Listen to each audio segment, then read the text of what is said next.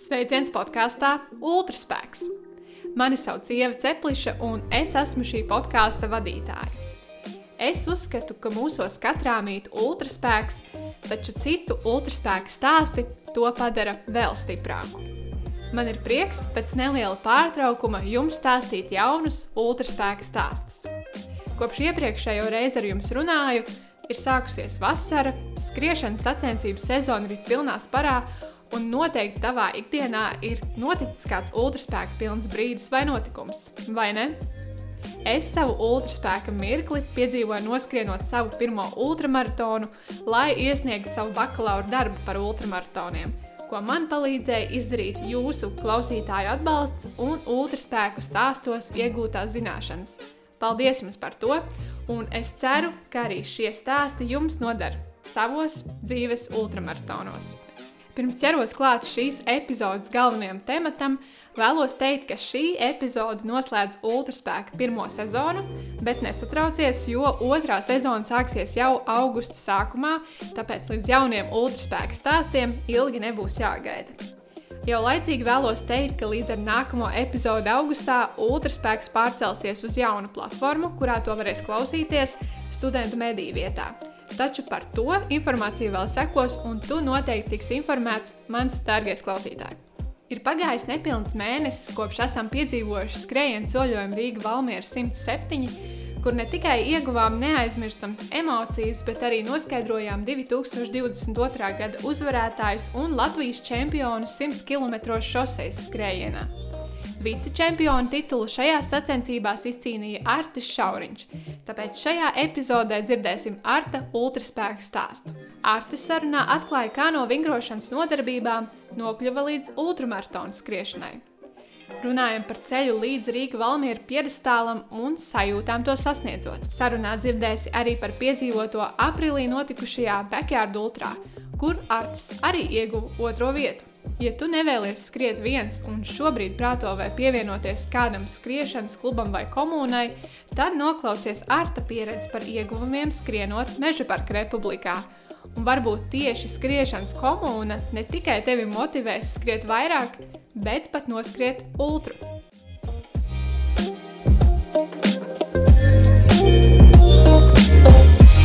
Nu, ko vasaras vidū man ir tas prieks par ultrām parunāt ar Arti. Sveiks! Sveika! Um, skaidrs, ka šajā podkāstā satiekas cilvēki, kuriem ne tikai patīk skriet, bet patīk skriet daudz. Bet kā tu atceries to mirkli, kad tu sāki skriet, un vai tev tas uzreiz iepatikās? Mirklis, kad es sāku skriet, skriešana nebija pirmais. Pirmais vispār, kāpēc pievērsos jebkādam sportam, bija tas, kad tiku vaļā no uh, slikta netikuma, smēķēšanas Un pēc tā kāds laiciņš, kad jau bija atmetis, sāk palikt garlaicīgi.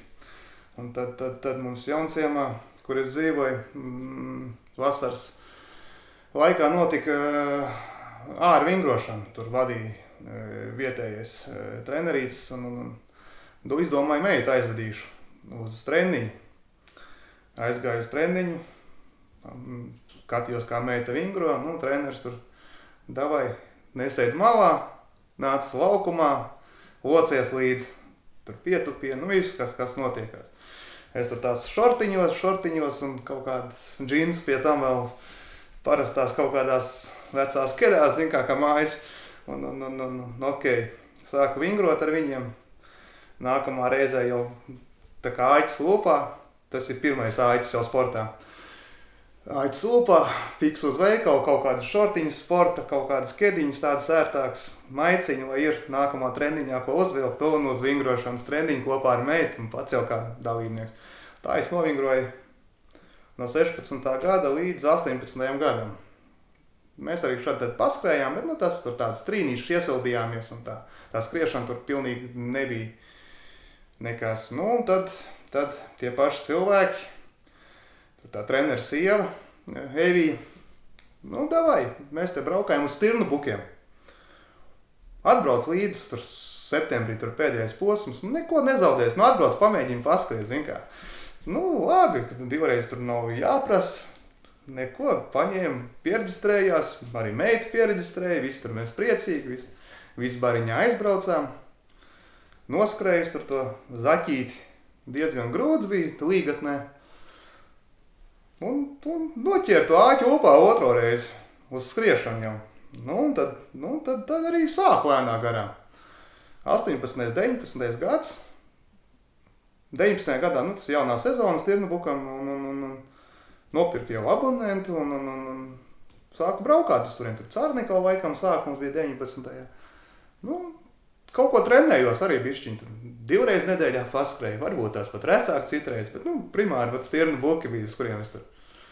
Nu, tie rezultāti tādi, sāku atceros 18. gadā, es biju kaut kāds 90. tur ar kapējkām grupā, starp visiem simtais vai kāds tur ap 170 pat laikam. Nu, 19. gadā tas Cārnikaus arī bija baigi grūtais, zin kā pēc ziemas tas sezona tur tikko sākusies. Oi, grūti. Nu, kaut kas jādara kā tad nākamais. Nu, vieglāk, kaut ko bija vairāk patrenējies. Nu, lēnā garā, augot rezultātiem, vairāk sāk trenēties un, un, un tā es nonācu pie tās skriešanas, un tā arī iepatikās tā skriešana. Kaut gan es jau pats smēju, ka man jau skriet nepatīk, bet padodas. Un kā tad, tad sanāk, pirmā sacensības tev bija Stirnbukā? Stirna buks, jā, līgatnē, uz kurām man uzaicināja, davai atbrauc pamēģini. jā, man šeit Stirnbuks ir tāds uh, seriāls, kas ievelk tajā skriešanas komunā. Um, kā tu pēc tam, tātad tu kāpināji distanci vēlāk? Nē, e, to 19 gadu es zinu, ka es visu noskrēju zaķi, mm -hmm. bet es kāpināju nedaudz vairāk trenējoties un kāpināju rezultātu. No tās 90, uz 70, 60, pēc tam nākamais posms kaut kas ap 40 grupā, pēc tam jau 35, 33. Man jau tā likās, nu redz, patrenējies ir ok. Un tā es ar to 19. gada sezonu plus mīnus tajā bukā tur noturējos ap to 3 no vietas beigās. Maz kā arī kopvērtējumā tīri labi tur tajā zaķī. Zem stundas varēja noskriet tās trases, tur man Sigūda kaut kur trāpījās māskat, bet viss bija zem stundas jau varēja pēdējās noskriet. Pašam bija par to prieks liels. Tā kā es tur eh, bija vēl kaut kāds cits sacensības pa starpiem, bet nu, tas buks bija tā primārā, jā, tā primārā lieta, ko es tur noskrēju Rīgu, laikam vēl bišķi skraidīju, zin kā. Bet nu tā, Jā, tad uh, es saprotu arī tāds līdzīgs stāsts, ka tieši sacensības ievilkt tajā vispār skriešanā, jo man arī bija tā, ka es teicu, nu, es vispār neskriešu, bet uh, kā es piedalījos pirmajās sacensībās, tad sapratu, nē, šis ir, šis ir kaut kas, uh, pie kā var pieturēties. Bet uh, kurā brīdī tev bija tā sajūta, kad uh, ir jāskrien kaut kas vairāk par zaķi? Par zaķi jāskrien vairāk. Sajūta bija tā, ka tas zaķis palika par īsu. Mums bija Covid, ja 20. gads sanāk. Tur bija trīs posmi. No augusta laikam tikai kaut kādas sacensības. Nu, un es tā kā pa to laiku brīvo saucamo Covid diezgan bija daudz uzskrējis visādas treniņus. Un, un, un, un, un, un bijām arī kādas garos uzskrējuši. Tur ar saviem čību draugiem kaut kādi 50 plus pat kilometrus. Un sapratu, ka es varu to paskriet. Un tad es paņēmu tos trīs posmus. 20. gadā laikam bija trīs posmi. Jā. Tad eh, buku paņem 20 plus km. Un diezgan veiksmīgi arī labi skrējās. Nu tā, salīdzinoši savām iespējām arī tīri augsti bija, un, un tas man tā patīk. Un, un reāli azartisks, zin, ka var dzīties kādam pakaļ, un, un, un, un tiešām tā. Un tāpēc es tās distances sāku tā nedaudz, nedaudz, nedaudz kāpināt uz augšu kilometru ziņā. Gan treniņos, gan, gan, gan sacensībās. 20. gadā mēs skrējām vēl laikam šīs visādas Latvijas kontūrus, kur jau nāca 27 km. Nu, viss varēja noskriet, tāpēc, tāpēc tā slēnā garā pieaudzināju to distanci. Nu, tad pieturējos jā, tajā gadā pie buka. Un tad ir 21. gads. Un jau izdomāju, ja nemaldos, jau uzsāku skriet. Un arī līdz galam varēja tikt atkal diezgan veiksmīgi, diezgan labā tempā. Nu, nu, nu, nu, nu. Kaut kur bija izdomāts, ka jāskrien ir kaut kas garāks. Tad tas pirmais garākais bija arī 21. gada Rīga Valmiera, kurai it kā arī cītīgi ļoti gatavojos. Tad nu. sanāk, ka ultramaratons bija pirms tāda oficiālā maratona, vai tu jau biji noskries maratonu kaut kad? Ah, maratons arī, jā, ir pareizi. Maratona arī Jā. mums ir. Maratona. Mhm. Es tad laikam biju arī noskrējis. Bija 3 stundas 7 sekundes Rīgas, bet vai tas bija pirms Valmieras? Laikam bija pirms Valmieras, jā. Laikam bija noskrējis. Jā. Bet uz Rīgas maratona es laikam biju dabūjis tā kā kaut kādu, teiksim, haļavu, kaut kur kaut kādu biļeti pa brīvu, un tāpēc es viņā skrēju. Jā. Jā, sanāk, noskriets maratons. Loģiski, ka citiem solis ir uh, maratons skriet, tagad uh, uzlabot rezultātu, bet tev bija doma, jāskrien ir kaut kas vēl garāks par, uh, par maratonu, un tad uh, tu pieteicies Rīga Valmiera. Uh, kur radās tā doma skriet ultramaratonu? Skriet ultramaratona radās doma savos treniņos kopā ar Meža parkas republikas biedriem. Jo manā, manā, manā tajā bariņā cilvēki jau to bija darījuši. Arnis, gan Līta, nu, un visu zināmais Mārtiņš ar tiem drediem. Bet, nu, bet pa lielam Aits lupā radās pēc viņu stāstiem. Iekārdināja, ka, nu, paši teica, Arti, tu to arī vari, davai, piesakies, pieteicos. Tikai tāpēc, ka uh, gribējās saprast, vai es to varu. Man uzreiz gribējās viņu labi noskriet jau pirmajā gadā. Īstenībā es to arī izdarīju. Piektā vieta ļoti labi. 9 stundas, 19 minūtes. Tā kā uzskatu, ka ļoti labi noskrēju un, un, un tā doma. Es biju apmierināts. Nu, reāli, kad man pierunāja, ieteica, atbalstīja. Tas bija vienkārši super. Nu Jā, un tad šogad tev izdevās izcīnīt sudrabu Latvijas čempionātā 100 km šoseis skrējienā, kas bija Rīga Valmiera ultramaratona laikā. Un ā, tev izdevās savu rezultātu uzlabot par 45 minūtēm, un tad ieguvi arī otro vietu. Ā, Kā atšķīrās tava gatavošanās ā, no iepriekšējā gada Rīga Valmiera? Tā, Pagājušā 21. gada Valmērā es gatavojos noteikti savādāk. Man bija vairāk garo skrējienu, svētdienās, 30 plus. Un visi šie paši, kas saucami intervāli, ātrie, kaut kādi dešuka krosiņi, gan lēnie, īsāki, gan kāpumu metri. Šitam gadam es trenējos savādāk, bez garajiem. 30 plus, labi, jā. 2-3 treniņi vispār no janvāra līdz, līdz jūnijam. Kāpēc neskrēju garos? Tāpēc, ka ir pārliecība, ka es varu skriet neapstājoties. Kad es, varu, nu, es zinu, ka es varu noskriet. Tikai vajagot spēku un, un, un, un lai pulss būtu, tas, tos tempus dzenā. Tā kā pa lielam pieredze bija no pirmās ļoti laba. Daudz ko paņēmu līdzi, bet, nu, atšķirīgas, atšķirīgas programmas pats sev sazīmēju. Ja pirmajai sezonai Valmjerā es gatavojos mēnešu ziņu skaitā tikpat, bet tikai no februāra, tur bija jūlijā, vienkārši mēnesis vēlāk. Tad, kad es pats salīdzināju, ko es darīju 21. un ko es darīju 22. gadā, tad, eh, ja stundās runā, tad tas ir 3 stundas pret 5,5 stundām nedēļā. Es te ir pat pa, nu, tie treniņos ziedāju. Kas vēl bija tie elementi, ko tu šogad liki klāt? Tev nebija garo treniņu īsti, vai tev bija kaut kas cits, ko tu, ko tu pieliki, kas bija svarīgs?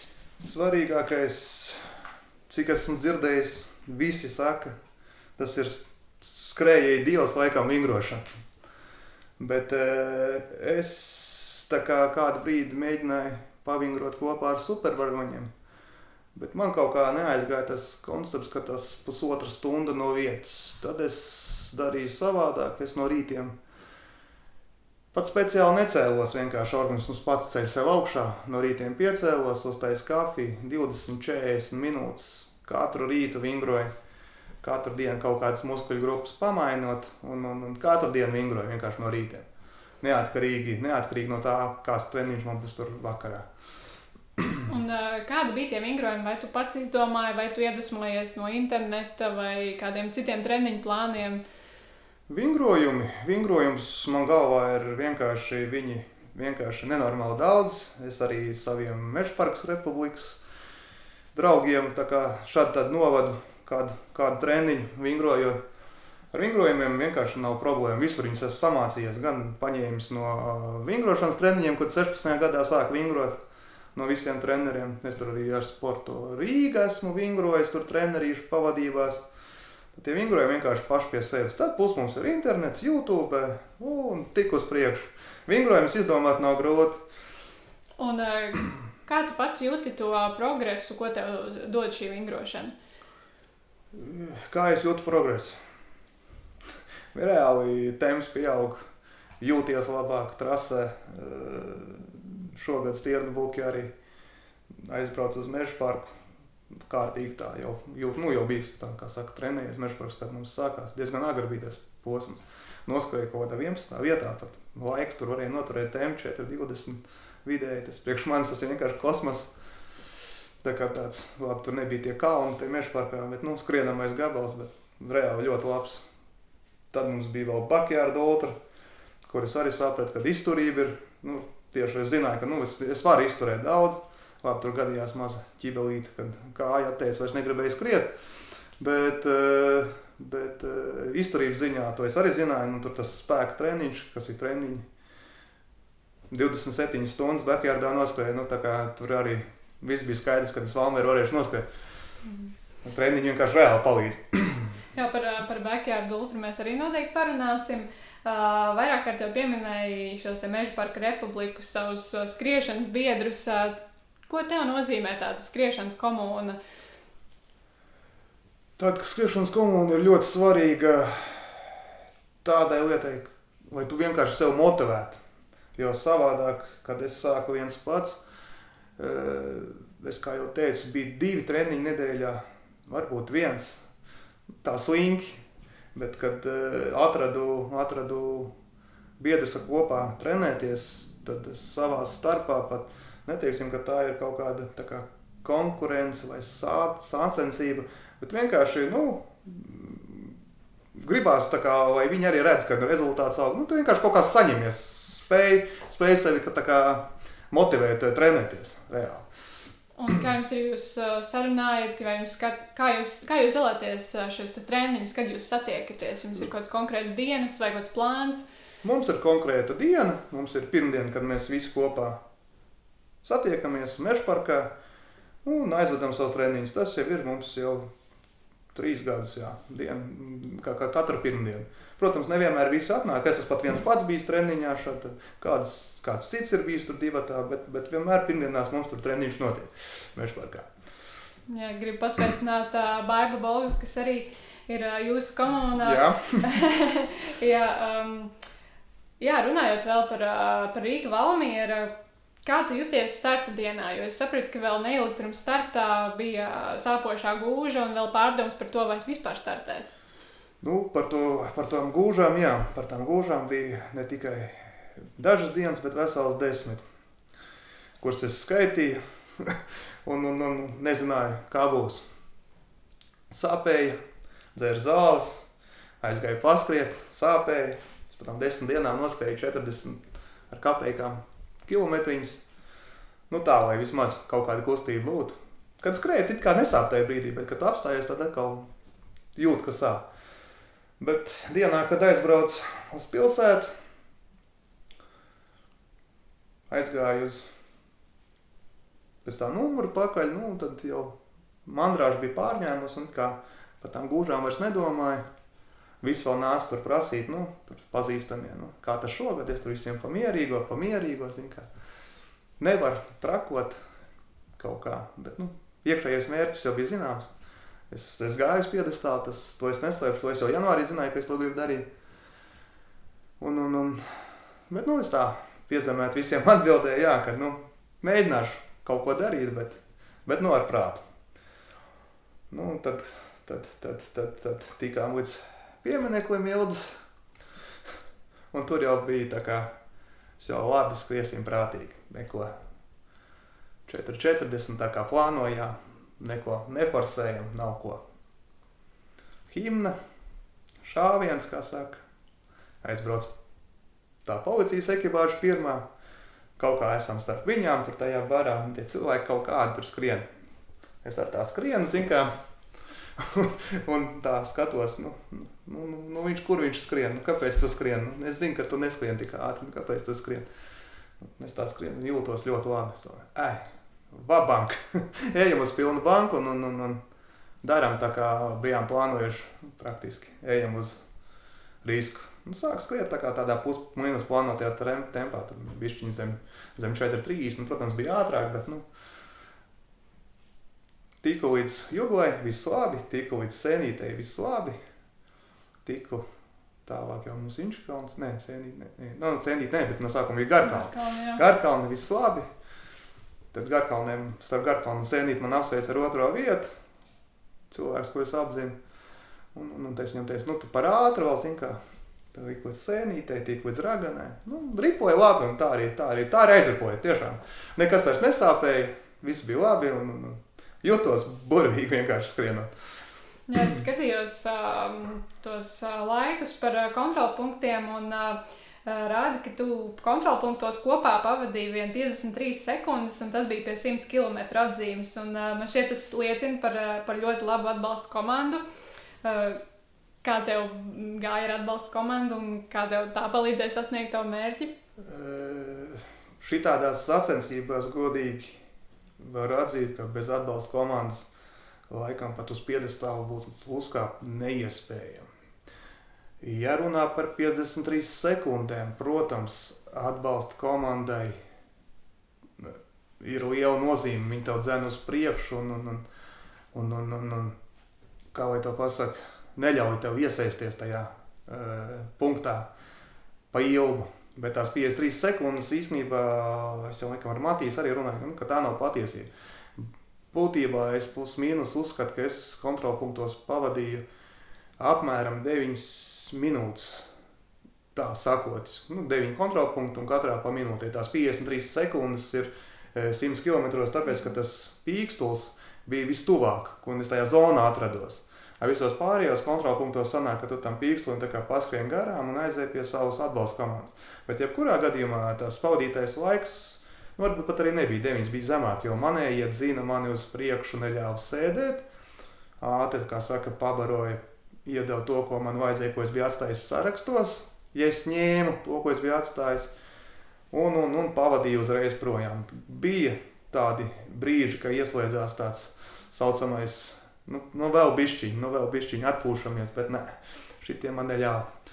Un bez atbalsta komandas, eh, kā atceros pagājušajā gadā, man bija viens cilvēks, eh, šogad viņš arī bija, bet nu, viņš nav skrējējis, viņš nezina visādas tādas sīkās lietiņas, kas skrējējiem ir varbūt vajadzīgs, kas skrējējiem ir jāpasaka. Viņš visu izdarīja ļoti labi, bet mani ārā neizdzina. Es pagājušajā gadā zinu, ka es ļoti daudz nosēdēju kontrolpunktos. Tur tiešām laikziņā nu, diezgan daudz. Tad šogad, jā, man bija Līta līdz no manas, eh, Līta dzēla no manas Meža parka republikas, kā skrējējis, un vēl sieva līdz, kā, kā, kā, kā uzmundrinātājs, kā ārsts, kā viss, kā medpersonāls. Un, un, un, un tad cilvēki zināja katrs savu darbiņu, fiksi, fiksi, fiksi zināja. Jā. Bet tās 53 sekundes, tas ir, tas, tas ir, tā nav patiesība. Tur es biju bišķi ilgāk. Nu, kā, bet, tāpēc arī ir svarīgi šīs sarunas, lai, lai noskaidrotu, kā ir. Bet es uzskatu, ka tas tāpat bija, bija diezgan mazs laiks. Un, Tieši tā, tā atbalsta komanda, kas motivē, ka tu vari vairāk, varbūt brīžos uh, nekā tev šķiet. Un uh, tu biji teicis, ka tev atbalsta komandā ir vajadzīgs viens cilvēks ar lielu pieredzi skriešanā, un otrs ar pieredzi, uh, kas tev pavada, ir bijis pa, nu, kā pavadītājs. Kā arī tu tikko stāstīji. Un, es gribu tā prasīt, kas vispār ir galvenais. Kaut kādi punkti, ka, kam vispār jābūt atbalsta komandā, skrējējiem kaut kādi. Kādas nu, īpašības varbūt? Īpašības, zini, man jau būtu grūti laikam izstāstīt. Man tā skriešanas pieredze ir, nu, teiksim, godīgi ar atbalsta komandām, tad divas Rīga Valmijā. Pēc mana, manas pieredzes, kam jābūt svarīgi, nu, tiešām cilvēkam ir jābūt tas, kas tevi pazīst, kurš ar tevi ir trenējies, Nu, Tātad tas ir skrējies, jebkurā gadījumā, kurš ar tevi trenējies. Tādā gadījumā man bija līdzīga. E, kurš tevi pazīst? Nu, sieva, protams, viņa mani pazīst. E, cilvēks, kāpēc es teicu, cilvēks, kurš ir mani pavadījis, e, lai palīdzētu tieši tiem diviem cilvēkiem. Jo viņš tur ir bijis, viss nekas, nekas jau nemainās. Tur. Viņš jau uzreiz zināja, gan kur piebraukt, gan kur apstāties.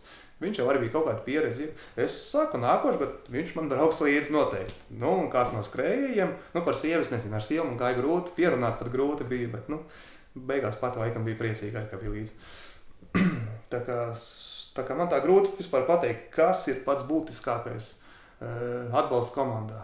Nu, vienkārši cilvēkam, ar kuru tu esi kopā, nu tā, viņš tev pazīst, tas ir tas svarīgākais, nu, tad arī tas cilvēks, kurš tev trenējas, jo es tā nemāku izstāstīt. Ir cilvēki, kas skrien visādas citādas skrējienas, kur ir būtiski zināt vēl gan laikus, gan kaut ko. Šeit it kā laika pat vairs īsti nebija baigi nosacīti. Es pēdējā, vienā no pēdējiem kontrolpunktiem paprasīju tikai par laiku vispār, kas notiek aiz manis, kas notiek priekšā. Kāds bija jūsu plāns iepriekš izveidotais atbalsta komandām? Kas tur bija? Vai tur bija ēdienu sarakstīti, kas ir katrā punktā jādod, vai, vai kā jūs plānojāt šos kontrolpunktus? Kontrolpunktus saplānoju es pats. Es paņēmu uz papīra, sarakstīju, ko katrā man varētu vajadzēt, ko man vajag obligāti. Nu, obligātais īstenībā bija ēdiens, kurā punktā obligāti ir jāpēd man tā buljona, buljona krūzīte. Un, un, un, un, ka katru reizi man ir jāiedod tā sāls deva. Un, un, un, un tad cērieni, protams, viss, nu, kad katru reizi ir jābūt tam un tam, tam vai tam, vai tīram ūdenim. Es jau pa gabalu tur viņiem baļāvu. Bet viss saplānojas pats, jo tā, ka kas man patīk, kas man nepatīk, to es zinu tikai es, ko es varu iest, ko es nevaru iest. Es zinu, ka, pieņemsim, es ar želējām mm, pagājušajā gadā man gāja ļoti slikti. Tad šogad es neapēdu nevienu sporta želēju plānoju, reāli visu plānoju pats un plānu iedevu, kā saka, rokās e, cilvēkiem, komandai.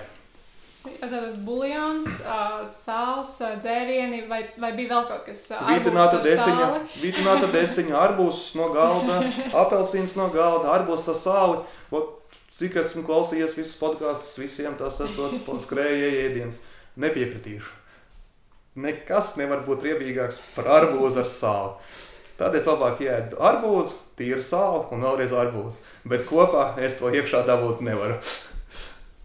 Par šo skrējienu, man liekas, katrā ultraspēka epizodē mēs runājam, tad cilvēki dalās divās daļās kas skrien Rīga, Valmiera un kas notiek galvā. Viena ir tie, kas spēj izdomāt visādus plānus, mērķus, kas ir jādara un tā tālāk. Citi koncentrējas tikai uz pašu skrējienu, vai citam vispār nekas galvā nav. Kā ir ar tevi? Kas notiek galvā tajā brīdī, kad tu skrieni Rīgā Valmiera?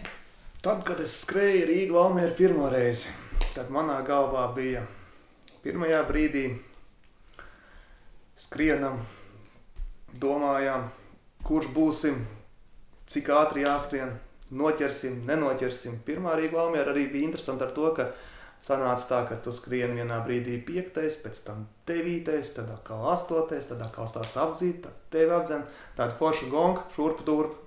Tad bija tāda galva aizņemta, vai šito jānoķer, šito nē. Man tur priekšā esot kaut kas lēnāks, vai skrien.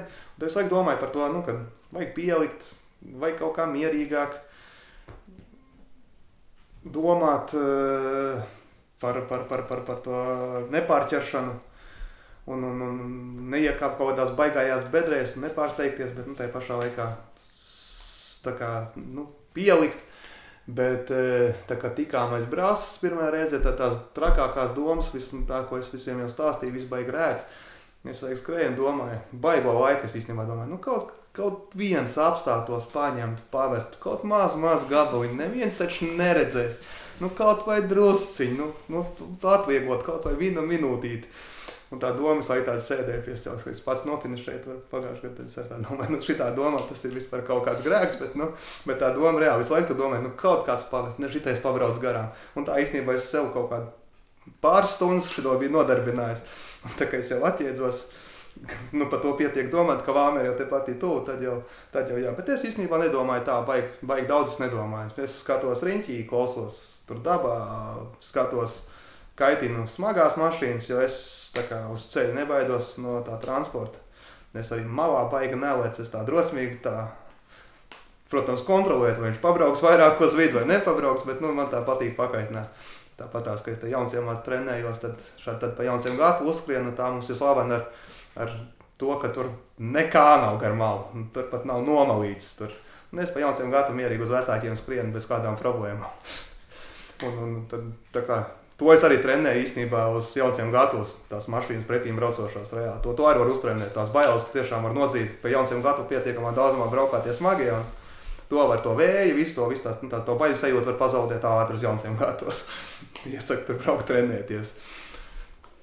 Bet eh, šito gadu, eh, šito gadu es īstenībā par to domāšanu kaut kā es atslēdzu pilnībā Pat to, ka ne, nu, pat nebūtu jādomā par veselību arī. Nu, tas atslēdz, nu, tās domas tās beigās nebija. Ik pa laikam bija kāds pa ceļam kaut ko uzsaucis. Es vairāk priecājos par to, ka kāds uzsauc, nekā ka es kaut ko būtu baigi domājis. Visgrūtākais bija eh, būt otrajam. Nu, tā nebija tā sāncensība, ka tu skrieni, skrieni. Un, It kā es jau negribēju, lai man tur baigi dzēn, bet nu, šādi jau pateica, ka tur kāds tur tuvojās un, un, un ka vajag kā, saņemties. Tad, tad, lai nebūtu tā doma, ka tev atkal jāpārdzen sev. Un es mēģināju sev atslēgt un nedomāt īstenībā par neko. Vienkārši skatīties to pašu sauli, uz to pašu dabu, uz to pašu miglu, tas pats lietas tur lieta, tur pētīt, tur zin kā uz mašīnas gaismās, kas saka, pilienus. Un, un, un tādā ziņā arī, ka gaismiņa spīd, tad, kā, tā, tā rasiņa nāk pretī, tad ot, viņā skaties un par neko vienkārši nedomā. Baigā domāšana, kaut kāds plāns kaut, es nevaru tas ir. Es vienkārši atslēdzos, vienkārši dodu kājām vaļu un, un, un netraucēju viņām ar savām domām. Vai bija kāds grūtākais posms tavā skrējienā, vai, vai tev šķiet vispār, kas ir grūtākais posms Rīga Valmiera maršrutā? Rīgas Valmiera maršrutā nepiekritīšu, ka grūtākais posms ir sēnīte ragana, jo murjāņu reāli pat pamodina. Ja tas ir tas guvēšanas laiks, tad vismaz tur dabū kaut kādu slodzīti. Grūtākais posms, grūtākais posms sagatavošanās. Viennozīmīgi. Tad, kad tu esi gatavs, tad tur vairs grūti posmu nav. Par bedrītēm, jā, ir tur bedrītes, tur ir tāds kā, kā protams, organisms nogrūst, no, nogurst un, un, un, un, un jā, tur kaut kur brāzas atrasts, ja daudz tie kilometri savākušies, nu, kaut kāds piezogās, tā kā slinkumiņš, tā kā tāda tāds nogurums, bet ar to tiec galā un tiec tālāk. Tas ir mazās bedrītes, bet tā, ja tu esi gatavojies, tad baigās bedres nav. Vistrakākais, ja tu kaut kādu traumu dabū vai kaut ko, tad, tad tu varbūt tās, tad viss ceļš, jādomā, vai nu, sāp, vai nu, noturēt, vai tās tūznes tur sāp. Bet tā, grūti neko. Vat pagājuši, kad pieņemsim, bija man tāda lielākā bedra no, no, no, no, no sēnītes līdz brasai, bet tur es biju pārēdies cukura, tas želējs. Un tad vienkārši pulss kosmosā, un tu mocies. Bet nu, par domu izstāšanās man arī spītīgs. Vajadzēja kā jau pat praktiski stāties ārā pagājušajā gadā pēc būtības. Jo, nu, tur bija nu, nenormālākā bedra. Es tur skrēju tādu ātrumu, ka vēl, vēl paskatījos, tagad gatavojoties tie sarunai. Tas ātrums bija vienkārši ārkārtas. Nu, kosmos, nu, es tā neskrienu, bet nu, bija pārēdies to cukuru. Un, nu, tā bija bedra, tas bija rītīga bedra, kad vienkārši, nu, tur bija pieredze arī uz šogad, kad, nu, ka tās žēlējas graus nevajag, un nevajag arī pārējais pa daudz tos enerģijas savākt iekšā sevī. Kad ir jāsabalansē katrā kontrolpunktā, un pa starpai arī nu, nedaudz skrēja ar izotonisko dzērienu līdzi, plus ūdens. Lai nebūtu tā, ka nepārķertās. Jo tā kā es pārķēru, tad bija, tā bija garākā bedra, tas bija visgrūtākais. Bet, nu, kad es viņai tik pārti, es atkal aizlidoju. Tad man atkal skrējās labi pagājušajā. Jā, tad tu laboji savu rezultātu par 45 minūtēm. Uh, Kā tu vērtē, kur bija tas tavs ultraspēks, lai labotu šo te šo rezultātu, vai tas bija treniņo, treniņos ieguldītais, vai tie bija kaut kādi ārēji apstākļi, piemēram, iepriekšējā gadā bija liels karstums, kā tev šķiet, kas bija tas, kas veicināja šo izaugsmu? Varētu šitās 40 minūtes ar kapekām sadalīt pat trīs daļās. Vienu trešo varētu norakstīt uz, uz, uz, uz, uz, uz to, ka iekonomēju kontrolpunktos. Man zina uz priekšu, neļāva sēdēt, neļāva iesaistīties. Noteikti kontrolpunktos var iekonomēt ļoti daudz laika. Viena trešā, protams, trenēšanās process, nu, pusotru stundu nedēļā klāt. Un tas ir tikai to, ko es pats redzēju.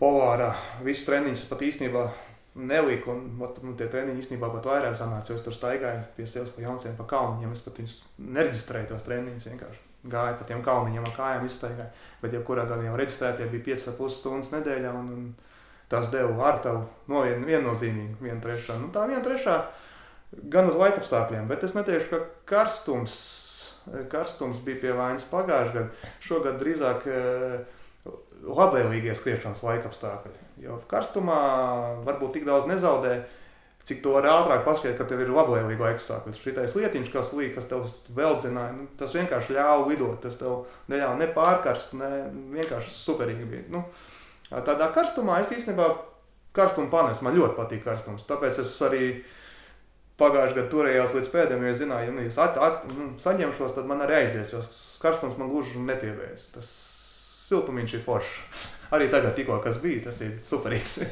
es tikai par tādām vasarām īstenībā. Skriet, trenēties, protams, jā, tur pirmais kilometrs un tu pīlī, bet, bet jā, karstumam nav nevainas. Protams, nav veselīgi laikam tur sev baigi dzenāt tajā karstumā, bet karstums ir mans. Vasara vispār ir mans gada laiks. Nu, Reikā, es es esmu kā otrā pusē, kuriem, kuri gaida, ka karstums beigsies. bet, nu, re, kā katram savs. Um, Uh, tu esi tāds cilvēks, uh, man liekas, retams Rīgā Valmjerā, kurš jau finišā zina to, ka skries nākamreiz, jo parasti ir nu, jāpiet kādam laikam. Tu to teici jau gan 21. gadā, gan šogad. Uh, Kāpēc Rīga Valmiera? Kas tev piesaista šajā? Es zinu, ka tu teici, ka Rīga Valmiera tev aizrauja, bet kas ir tas, kas tev aizrauja? Vai tas ir kaut kāds kopums vai kaut kādi elementi šajā skrējienā? Nu, laikam ir tā, ka sāksim ar to, ka tās ir tās sacensības, kuras sev var pierādīt. Pietiekams garums, distancija, tā kā priekš manis radīt, ir kur izpausties. Visās īsākajās, tā kā man kaut kā nesanāk būt tur, kā, kā es saku, pie topčikiem. Nu, tad šeit vismaz nu, top 10 tas ir diezgan pieklājīgi. Un tad nu, tās garās distances ir manējās. Nu, tā kā Latvijā to garo distanci ir tik, cik ir, tad rodas sanāk, ka Rīga Amber man aizrāja. Otrs, protams, ir arī viss tas, viss tas tā komūna, tā, kas ir tur izveidojusies, tā ziedošana un, un, un, un tā atbalstīšana cilvēki tur arī tā, es, tā no malas arī dažus tur zinu. Un, un, nu, kaut kā viss vienkārši tas tā nenormāli piesaist. Ja stirnubuks paņem tevi ar to sacensību, ar to pasākumu tai galā, tad, tad tā, tā, tā ir tāda sacensība, ko tu nu, baudi, palīdzi. Nu, nezinu, man vienkārši vienā vārdā jāizdara aizrauja. Nu, pirmo reizi noskrēju un ir nu, tā sajūta, kad ir un, un, un, un gribās skriet vēl un vēl un vēl. Es tā nevaru pateikt, kas tieši. Bet, nu, reāli. Bija moments, noskrēju, patika. Wow, gribu vēl. Nu, šogad tieši tāpatās. Es jau pirms skrējiena zināju, ka es skriešu jau 22. gadā. Tā kā skriešu, kamēr varēšu viņu skriet. Jā, tu pieminēji, ka uh, ultrās tev ir iespēja iekļauties tādos top 10. Uh, tad nu jautāšu, kā ir stāvēt uh, uz piedestāla Rīga Valmiera. Nu, tā nebija mana pirmā reize, kad es stāvu uz piedestāla kā vispār. Rīga Valmiera, protams, tās ir vispār īpašas sajūtas, ja tu vēl esi pateicis jau pusgadu pirms, kad tu ej uz to un kad tu to izdari. Tad tās sajūtas vispār ir tādas skudriņas vienkārši skrien pa ķermeni. Bet, nu, es tā biju kādas sacensības atradzis, kur bija arī trāpījies, arī uzkāpis kādu piedestālu. Nav tik, nav tik, nav tik traki, var atrast kādu, kur kāds ātrais neaizbrauc, tad jau kaut kur kaut kādu otro, trešo, pirmo vietu ir arī dabūjis kaut kur. Nav tik traki. Bet, nu, tādās lielās sacensībās, jā, tas ir tas mm, sev pa pleciem var sist un sist un slavēt sev pats. Prieks ir nu, viennozīmīgi liels. Jā, parasti es jautāju citiem, kāda bija sajūta pieskarties pie kliņķa, bet es tev gribu jautāt, tie, kas ieskrien pirmie finišā, ir diezgan ilgs laiks līdz apbalvošanai. Kā tu pavadīji laiku līdz apbalvošanai un uh, kā vispār tev bija sajūta, kāds bija sajūta pēc šī skrējiena? Diezgan laiks garlaicīgi īstenībā, bet nu, cenšamies piesist pie kliņķa, tad sagaidīt vēl kādas skrējējas Tad jau aiziet nomazgāties, izmasēties, kā saka. Šogad bija ļoti labs meitenes, ļoti forši izmasēja. Un, un, un tad mazliet arī pagulēt, paēst. Bet pārsvarā es gozējos ap to pašu baznīcu un, un pa lielām sagaidīt skrējējus visu laiku. Nu tā, atbalstot. Tas pasākuma brīdis, kad jāsagaida tā apbalvošana, jā, ir gara. Nu, sanāk, ka visu dienu tā tajā Valmērā jāpadara. Nākošais gads noteikti, ja noskriešu un būs jāgaida, tad braukšu kaut kur kaut ko citu padarīt, jo tās stundas ir baigās. Īsti nav ko ar sevi nodarbināt, ir vienkārši vai nu klausies un sagaidi cilvēkus, vai nu gulēt. Nu, tajā zālē ir grūti pagulēt, tāpat tas viss tur čelo zāli, jau atbalsts liels, 15 minūtes gulēt, 15 klausies, ko citi runā. Tā kā labākais, ko darīt, ir jāstāvēt pie kliņķa un sagaidīt skrējies. Bet, nu, saulītē arī diezgan ilgi nostāvēt pēc tā skrējiena arī. Kaut gan pirmajā gadā, kad es noskrēju, es pat tur varēju lēkāt riņķies, ilgi es pat pagulēt nevarēju. Arī biju ļoti priecīgs, ka nu, nu, nofinišēju tur tie labi un es tur ilgi lēkāju pa to zonu. Pagājušajā gadā es nejūtu to garo laiku, bet šogad kaut kā bija ļoti gara. Kā tev vispār ir uh, skatīties, kā citi finišē tās emocijas, ka tu pats esi skrējis?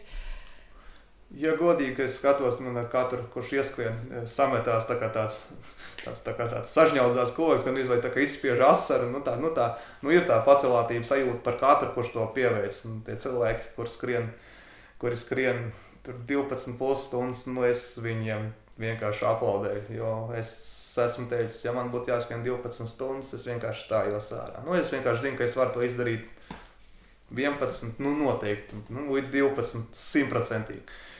Ja ir jāskrien ilgāk, es to nevarētu izturēt. Kāda bija atjaunošanās pēc Rīga Valmiera? Pēc Rīga Valmiera, ja runājam par pirmo e, gadu, tad e, uztaisīju lielu kļūdu un sāku skriet ļoti ātri mazus treniņus, jo nāca kārtējais stirnabuku posms. Tas, laikam, nemaldos, bija smiltenē. Protams, jābrauc, protams, jāskrien. Un, un, un, un, protams, noskrēju, tad es skrēju jau tos bukus, diezgan daudz kilometru apkārt, pa takām, pa kalniem un dabūju traumu. Un pēc tam visu sezonu mocījos. Tur vēl vilks tajā gadā bija, to arī skrēju. Tas man arī tur sanāca ar tādu, ar, ar, ar, ar, ar paliekām no, no Rīga Valmieras vienkārši pārķēru, nepaklausīju savam organismam. Kaut kādi cilvēki varbūt pat teica, ej, braucam, vai jā, braucam, skriet. Nu, protams, ka jābrauc, ko viņi tev saka. Tad šogad es jau pirms skriešanas Rīgā Valmērs jau zināja, ka uz gaiziņas nebraukšu. Tas bija stirnabuļs posms. Tas jau bija automātiski zināms. Otrais, ko es darīju, atjaunojoties, es vairs neskrēju. Nu, pirmdienā es noskrēju 6 km, bet tad es gāju pastaigās nedēļu, pavingroju, pastaipījos, pat nevingroju, bet staipījos. Neko aktīvu, neko uh, sev pāri nodarošu, viss mierīgi, pastaiga, staipīšanās, nekā nedarīšana. Pat tāliņu iedzēra, kā saka. Un, un, un pēc nedēļas tikai sāku tādus minimālākus treniņus, kaut kā paskriet, kaut ko tādu Nu, tad tikai ar otro nedēļu, pēc, pēc, pēc nu, divas nedēļas pēc Valmieras, tad tā aktīva treniņā kā aizgāja pilnā, pilnā programmā. Gatavojamies, kā saka, nākamajām sacensībām. Jā, es arī ieraudzīju, ka uh, būs uh, gaiziņa posms nedēļa pēc Rīgas Valmieras. Jau zināju, ka es tur redzēšu daudzus, kas uh, finišē uh, Rīgas Valmieru. Un uh, re, kur tavs stāsts, ka tu droši vien neiesaki lekt uzreiz sacensībās, ka tā var tikt pie traumām. Vai kā ir, vai jāizvērtē savas sajūtas? Viennozīmīgi nedēļa pēc šitiem kilometriem nekādas sacensības, kas ir garāks par, par, par vispār īstenībā nekādas sacensības. Nav, nav, nav, nevienam nav jāskrien. Es domāju, ka kurš treneris, kuriem ir treneri, nu, teiks, ka tas nav jādara. Nu, es zinu, tur dažs skrejējs, kuriem bija jāpilda komandas uzdevumi. Es zinu, dažs skrejējs, kur gatavojās tur Spartatlonam. Uh, Es zinu, tur daži skrejēji, kuriem ir vienkārši vienalga, kur skrien, un viņiem nekad nekas nesāp. Kā, nu, protams, jāizvērtē ir sevi, bet jebkurā gadījumā pats svarīgākais tomēr ir atjaunošanās process. Tad, ja es gribu kaut ko vēl uzskriet šogad, tad tāpēc es izvēlējos sevi tomēr pataupīt un, un, un, un saudzīgi attiekties saka, pret savām gūžām, kuras man šādi izlec. Tāpēc es arī viennozīmīgi pieņēmu lēmumu, ka nu, ir. Un visiem iesaka īstenībā, nu, nevajag lekt uzreiz nekur iekšā. Nu, es zinu cilvēkus, kuriem to nevajadzēja darīt, bet, nu, bet viņi vienalga iet un skrien. Nu, do, jo mēs esam ko padarījis. ja mēs paskatāmies tālākā nākotnē, tad, ja tu skriesi nākamgad Rīga Valmiera, kāds būtu tavs mērķis? Tu šodien varētu nolikt šo mērķi ar savām sajūtām. Kāds būtu tavs nākamā gada mērķis? Nākamā gada mērķis, es par šo pats personīgi arī padomāju. Noteikti, ka es nešaušu ārā uzreiz, ka es teikšu, ka es gribu piedestālu, bet es zinu, ka nākošais gads es centīšos netaupīties ja es šogad skrienot otrais, arī izvēlējos palikt otrais un nemēģināt ķert tomu. Tas nebija mans viens lēmums, tas bija visas komandas lēmums. Tad nākošais gads visticamāk, ja būs tāda situācija, sitīšos par jebkuru vietu, centīšos tikt līdz atdot sev visu.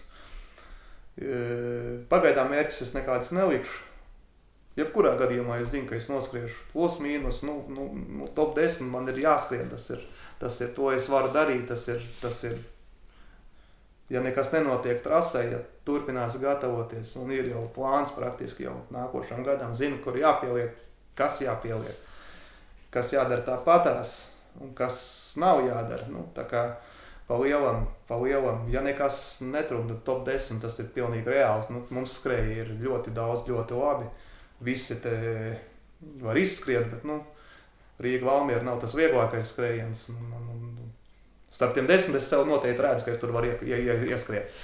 Ja, minēji lietas, ko tu saglabāsi, un ir, ko tu nedarīsi. Vairāk varbūt var padalīties, kādā nā, nākamajam gadam trenēsies, kas būs, ko tu saglabāsi, un kas ir varbūt kaut kādas kļūdas, ko tu, ko tu nedarīsi. Saglabāšu noteikti vingrošanu, tas ir viennozīmīgi, tas nekur nepaliks. Apjoms skriešanā varbūt tās pat var mazliet samazināt, un tad mēģināšu tagad pielikt sporta zālīt klāt ziemas sezonai. Pārstrādāsim uz muskuļu masu, paskatīsimies, kas tad notiek. Dotajā brīdī tas ir vienīgais, kas nav darīts. Nu, rezultāti pagaidām joprojām, kamēr trenējos šitos dažus četrus gadus, visu laiku ir augoši. Nu, tad zinu, ka neesmu bijis sporta zālē nereizi, neesmu strādājis ar smagumiem. Tad pie tā varētu tā pielikt. Ko es nekad nedarītu, pagaidām to es tagad nerunāšu. Nu, labi, tad parunāsim par vēl vienu otro vietu šogad, aprīlī, Backyard Ultra. Kā tev radās ideja vispār piedalīties šajā pasākumā? Tā, nu, es to nesaucu par otro vietu, es to saucu par pēdējais zaudētājs. Kā man radās doma? Uh, Kā zināms, eh, Backyard Ultra laikam bija jau trešo reizi, abām divām pirms tam es biju sekojis līdzi. Un vienmēr bija sludināts vai nu, minēts, ka tā ir laba gatavošanās, tas periods tieši Rīgai Valmierai. Eh, es viņu tieši biju ielicis kā treniņu procesu, kā tādu atskaites punktu priekš Rīgai Valmierai. Pēc kuras arī orientēties, nu, kā man ir veicies līdz, līdz visam treniņšanas stadijai, kā es izgāju cauri. Un, un tāpēc es tikai viņu ieliku, tikai tāpēc, ka lai tiešām sev pārbaudītu, cik tad, nu, tā izturība ir. Zinu, ka es, ja es kādreiz vēl skrietu Bakijā ar Dultras, viņi nekad vairs neskrietu tik ātri, viennozīmīgi, jo šīs sacensības ir tomēr savādākas, viņas nav domātas gluži uz ātrumu. Bet nu, es biju domājis, ka es varu kā, trenēties vēl tajā brīdī, tajās Bakjāra dultas sacensībās. Tā laikam bija lielākā kļūda, tāpēc arī tā kāja man tur tā kā atteica bišķi skriet. Es tos tempus tur rausīju vien ātrāk, vien lēnāk, vien ātrāk. Bet, nu, nākamreiz, ja es kaut ko skrietu, tad tādu līdzīgu, tad es skrietu noteikti lēnākā, vienmērīgā tempā visus neskrietu tur. Tik ātri pat tu neskriet noteikti. Tās 15, 20 minūtes tur ir pa daudz atpūtas. Bet tas bija tiešām tas posms, bija ilgs tikai lai pārbaudītu sev gatavību Rīgai Valmērai. Jā, minēji tas uh, posms uh, starp nākamo stundu, 15, 20 minūtes. Kas bija tas, ko tu darīji? Uh, kā tu atpūties? Uh, kas bija tavā plānā? Mums tas viss pasākums atkal bija kopā ar Meža parku republiku. Mēs šoreiz bijām atkal pie Lītas dzelzmas mājās. Mums tā bija bāzes vieta. Čiekurkalns, Meža parks, Alfas rajons, kur mēs tur skrējām. Un eh, tās 15, 20 minūtes mēs tur reāli tusējām, atpūtāmies, uzēdām, parolējāmies. Tas bija reāls tusiņš tāds. Nu, šitie rīkotāji, kā saka, savā galā arī taisīja tusiņu. Mums bija savs tusiņš, mums viņš arī bija ļoti jautrs. Kā īsti pat neko. Nu, nāca man tur atbalstītāji ik pa brīdim tie, ka mēs tur bijām palikuši pēdējā līdz skrējām jau.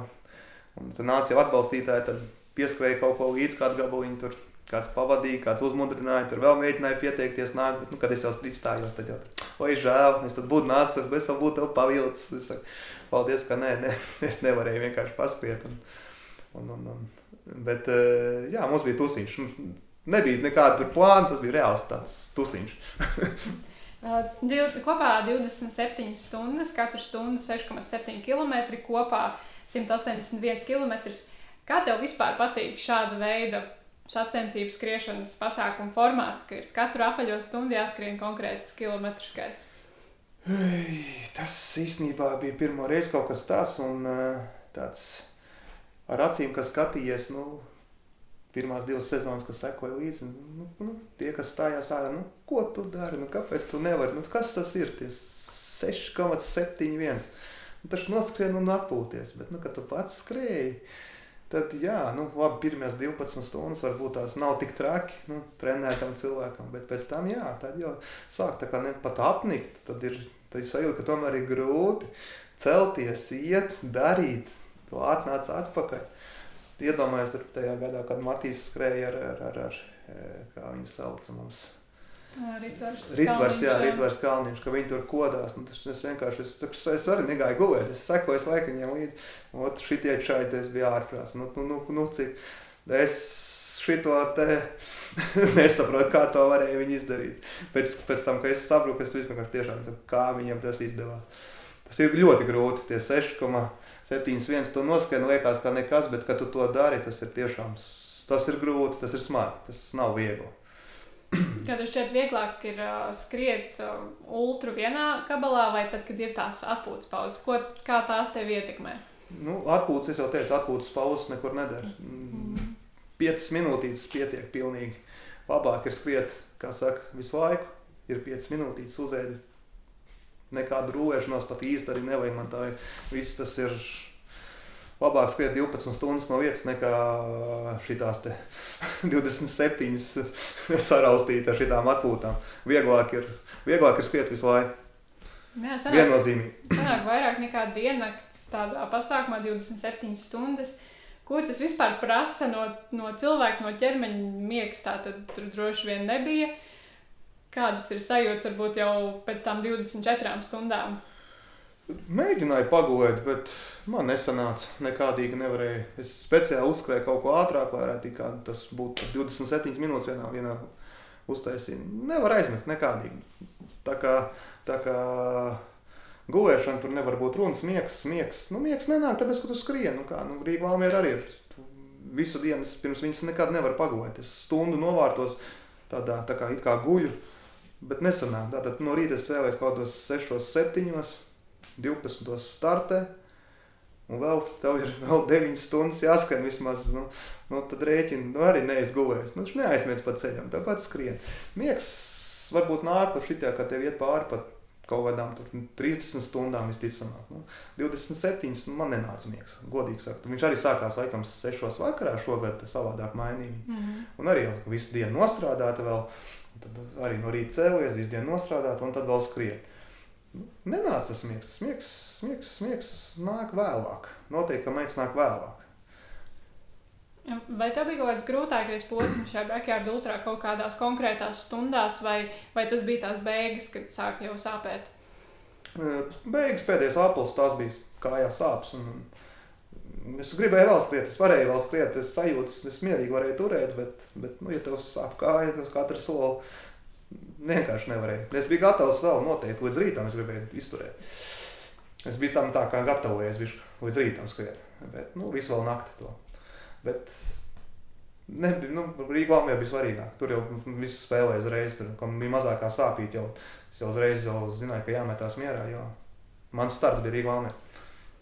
Kā ar uh, uzturu šāda veida sacensībās? Uh, vai tev bija kaut kāds, tu minēji, ka tev īsti nebija plāna, bet uh, kas bija tas, ko tu ēdi, jo tur tā pauzīte ir ilgāka, vai, vai tu skaties pēc kaut kāda laika, vai, vai vienkārši pēc sajūtām, ko prasījās un kurā brīdī? Es viennozīmīgi var apstiprināt, ka septiņi cilvēki arī var apstiprināt, ka piespiedu mājas. Tā mums bija uz galda, sieva uzcep speciāli piespiedu mājas. Viss teica, labākais, ko var ēst. Tad mēs visi ēdām piespiedu mājas. Bet tā, ja, ja tā godīgi, tad uh, viss, kas garšo. Viss, kas garšo, ko tu vari, ko, ko organisms ātri pārstrādā. Nu, Neviens jau tur neēdīs kaut kādas, nezinu, kāpēc tur gurķis varbūt ēdīs, bet, nu, uh, ceptu gaļu, nu, neēdīs. Nu, tu ēdīs tur visu vieglo. Nu, visu vieglo, es visu ēdu, galvenais, vai tas ir ēdiens. Tajā backyardā mēs pat neaizrāvāmies nekādām tur enerģijas, tam šitām visām ķīmijām. Nu, viss parasts ēdiens, viss, kas vieglo pārformas, ko ēdus pārstrādā. Vai tu vēlreiz piedalītos šāda veida pasākumā? Jā, es piedalītos, bet es jau dzirdēju, ka Andris mm. nākošais gads vairs netaisīs. Klausījos kaut kādu, laikam, viņu tur super var viņu sarunas, un viņi kaut ko citu taisīs, mm. ka backyards vairs nebūs. Bet, nu, varbūt klātienē būs, tad, tad būs savādāk. Jā, es piedalītos. Tas ir interesants formāts. Latvijā mums arī ir viens čempions kārtīgs, gribētos ar viņu kopā paskriet arī tur. Tas tur mums ir ļoti izturīgs. To pašu Matīs varētu vēl kopā paskriet tādā formātā. Tas būtu diezgan interesanti. Nu, tiešām klātienē būtu interesanti ar viņiem kopā. Nu, šogad jau bija mazāk tie covid ierobežojumi, un bija jau tādi bariņi arī jums. Nu, lai gan tu piedalījies, bet um, kad vairāk kas piedalās, tiešām iet uz rezultātu, savstarpēji liekas, tā pavelk viens uz viens otru. Nu, tas arī ir citādāk, un tad ir, ko tu izstāsies. Nu, nevar jau. Uh, bet, um, Kā bija? Kā tu, vai tev bija viens aplis, kā tu maršrutā veidoji, vai tu pamainīji savu maršrutu, tur Čiekurkalns, Meža parks? Tā kā es trenējos šitos četrus gadus praktiski te Meža parkā, tad tas Čiekurkalns, nu, plus mīnus arī ir izskriets. Tāpat arī tā brīvības iela, plus mīnus ir izskriet. Tur tur skrien daudz ātros, es arī tur aizbraucu kādus ātros paskriet pa to taisnību. Tie metri ir galvā gan arī no katra stūra līdz stūrītim. Nekāda maršruta nebija plānota. Daži maršruti bija uzskriet, bet skrienot vienkārši. Te pa labi, te pa kreisi, te taisni. Tā, tur vēl, vēl palikuši 3 km. Anta griežam nost, te tik, te tik, te tik. Visu laiku galvā bija precīzi. Tur 100 metru nobīdi ar kļūdiņu atskājām apakaļ. Speciāli neko nemērīja. Daži aplīši tur bija, Lita bija uzskrējusi kaut kādas dažas aplis uzzīmējusi, bet es skrēju pa savām. Improvizācija. Improvizācija, jā, vienkārši 6, 7, 1. Drošībai piemet klāt vēl 6, 7, 2. Un eh, kāpēc eh, šādu pasākumu tu atjaunojies? Vai, vai tur bija kaut kāds ekstra miegs pēc tam? Protams, automātiski es jau zināju, ka atkal būs nedēļa brīvs. Eh, man tā kāja pasāpēja jā, kādu laiku. Ekstra miegs. Atbrauc mājās. Momentāli man tā liekas, uzreiz izslēdzos gultā. Gulēju ilgi līdz kaut kādiem 12. visticamāk. Eh, bet ar to arī pietiek izgulējos. Un tad viss jā, pakliboja pāris dienas. Atkal pastaipījos, atkal bišķiņu pavingroju, mazliet pastaigāju.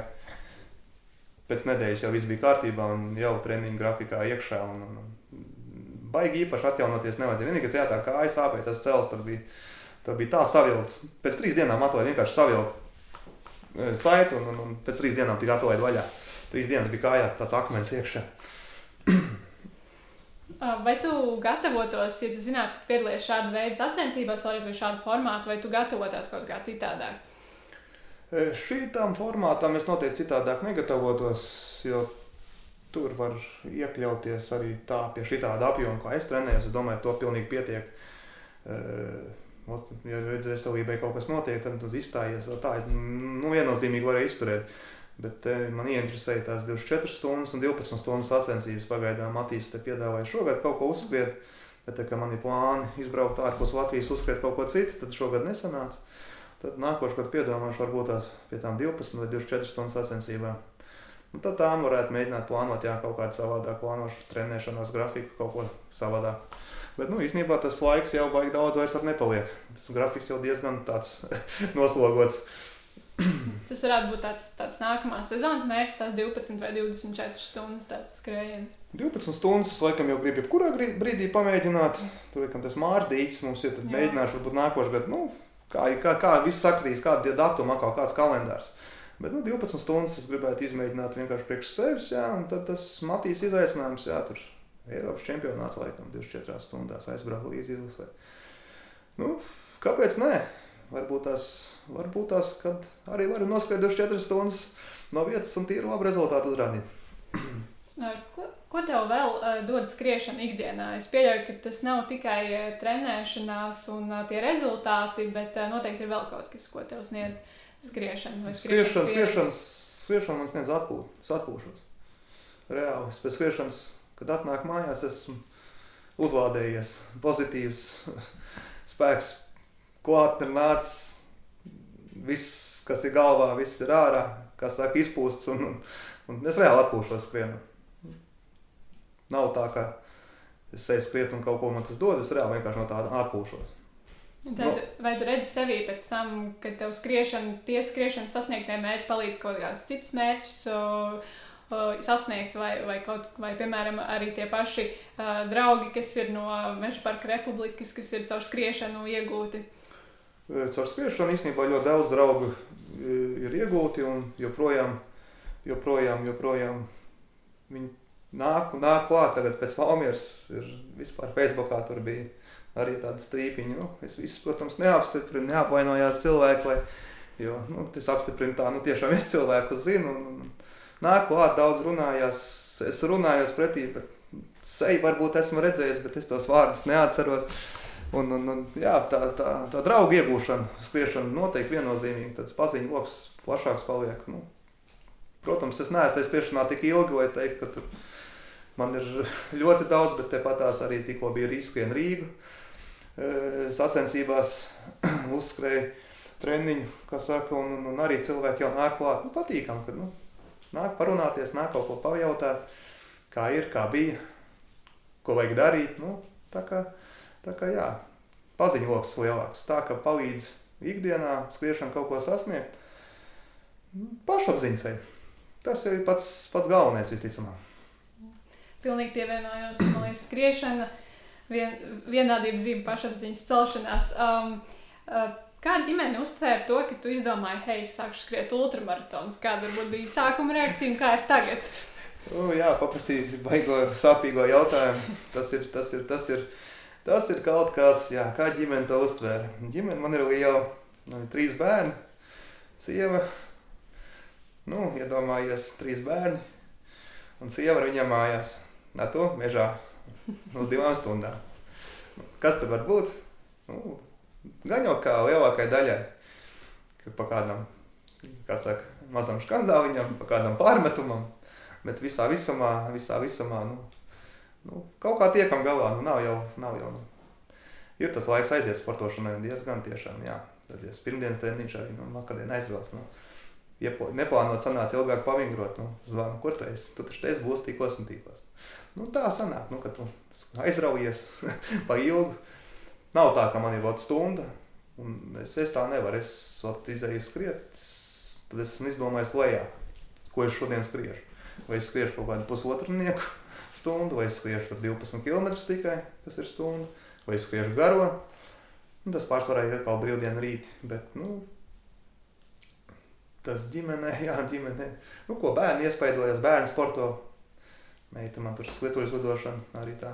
Gribu vienmēr kaut ko izcīnīt tagad pēc teica, tur bija Valmiera piedestāla meitai arī tagad tāds. Biežāk uz treniņiem sāk braukāt, tur, zin kā, papildus grib kaut ko darīt. Arī gribās, zin kā, viņa jau tāpat tās man ātra ir, bet, nu, ot arī gribās tagad ritīgāk trenēties. Tā kā arī iespēdo uz to pozitīvo, tas bērns vismaz, kad, nu, teica, sporto, tad pašiem arī kaut ko gribās paskriet. Pati mazākā man vispār mājās vingroja, tad arī nāk ar mani kopā pavingrot. Bet tā visā visumā, jā, tā ir tā baigi sāpīgā tēma, ko ģimene saka. Nu, ja mēs visi skrietu, tad būtu savādāk. Bet tā kā sieva man neskrien, riteni vienīgais pabraukā, bet, bet, bet tas ir tā.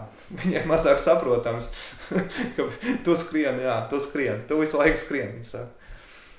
Jā, šķiet, tas tiešām tas paraugs bērniem ir rezultējies, kad tieši tā ar savu piemēru rādīt, ne tikai stāstīt. Um, jā, vai, vai tev ir vēl kāds mērķis, par ko tu jau tagad zini, ka tu gribi sasniegt skriešanā, ko, par ko tu varētu pastāstīt? Mērķis skriešanā, nē, nu, tagad septembrī ir doma aizbraukt uz Sloveniju. Tur ir Juliana Alps UTMB viens posms, nu, tad tur gribās iekļūt it kā top 20, 60 puskilometru laikam. 3300 augstuma metru. Nu, top 20 gribētu sasniegt. Tas ir šogad vēl mērķis. Un tad vēl mums ir mēģi krosas, kur mākā gribās piedestāvā uzskriet. kur es aizbraucu vai 21 nu vai, vai 10 uzskriet. Tā kā tādi, tādi skriešanas mērķīši divi vēl ir palikuši. Es vēl esmu pieteicies it kā taisnajam, bet, nu, bet tam es pieteicos gada sākumā, nezinot, ka es braukšu uz Sloveniju. Tā kā par to es vēl domāšu. Nu, tad ļoti liels iekāriens bija. Tagad būs 9. šīs brīvdienās. Vilkačs maratons, bet nu, atstāsim nākošam gadam varbūt tās. Nu, tad vēl viens plāns ir kaut kad SKM ar kaut kad noskriet. Nu, šogad noteikti atkal tas nebūs, jo atkal viss tur tuvu kopā. Bet nu, ir arī plāns SKM. Varbūt būs vienā gadā, ka būs Vilkačs un SKM. kaut kā skatīsimies. Visi, visi, visi jāsaliek kalendārā kopā ar Rīgas Valmēru. Tā jau ir aizņēmusi. Jau nākošā gadā jau ir kā, jau iekšā. Un, un, un tad jāsāk pielāgot visi tie datumi atkal. Jo pārspēties arī laikam nav veselīgi. Esmu jau izgājis tam cauri. Mm, pārspēties nevajag. Lieliski. Man jāsaka liels, liels paldies par sarunu. Uh, man bija tiešām interesanti. Un uh, es tev novēlu sasniegt uh, tikko pieminētos mērķus, un noteikti mēs tiksimies vēl kādās ultrās. Bet vēl gribu jautāt tev par dziesmu, ko pievienot ultraspēku playlistē, lai mums visos, visos ir ultraspēks. Jā, par dziesmu. Par dziesmu es biju domājis, jau klausoties iepriekšējos visus ultraspēks podkāstus. Un zināju, ka būs šis jautājums, un tad skrienot treniņos, tā domāju, ka man patīk tas, un patīk tas, un patīk tas. Un Nu, tad iet runa par to spēku, spēka dziesmu. Mm, teiksim tā, ka tā nebūs, kurā solis sist klāt, bet tā ir tiešām tā ir mana spēka dziesma. Tā man vienmēr, kā saka, saceļās skudriņas, skrien pat viss un tāds, oh, tāds, tas, tā ir Mārtiņa Brauna e, dziesma, Saulpērkons Daugava, e, kur tāda nu, tiešām, tiešām spēka dziesma par, par, par, par mums visiem, par, par, par, par brīvību, par, par, par, nu tiešām tur par spēku ir tas. Tā dziesma man vienkārši tiešām skudriņas saros, es īstenībā pie viņas varu pat ātrāk kā kādu tempu skrējienu uzskriet, man tas ir pilnīgi viņa tā uzmundrina. Tā ir tāda man tiešām spēka dziesma. Ja runājam par spēku, tad neko citu nevarēju savā tādā, ko es klausos, tas viss ir tāds dance pop un tādā garā, un tas ir tā, ir ritms, bet šitā ir tiešām spēka dziesma. Šeit īpaši vēl skrien meža parkā, kur ir restorāni un neviens no mums ir šo dziedājis dziesmu svētkos. Tā kā lieku iekšā un liels paldies par sarunu! Paldies tev!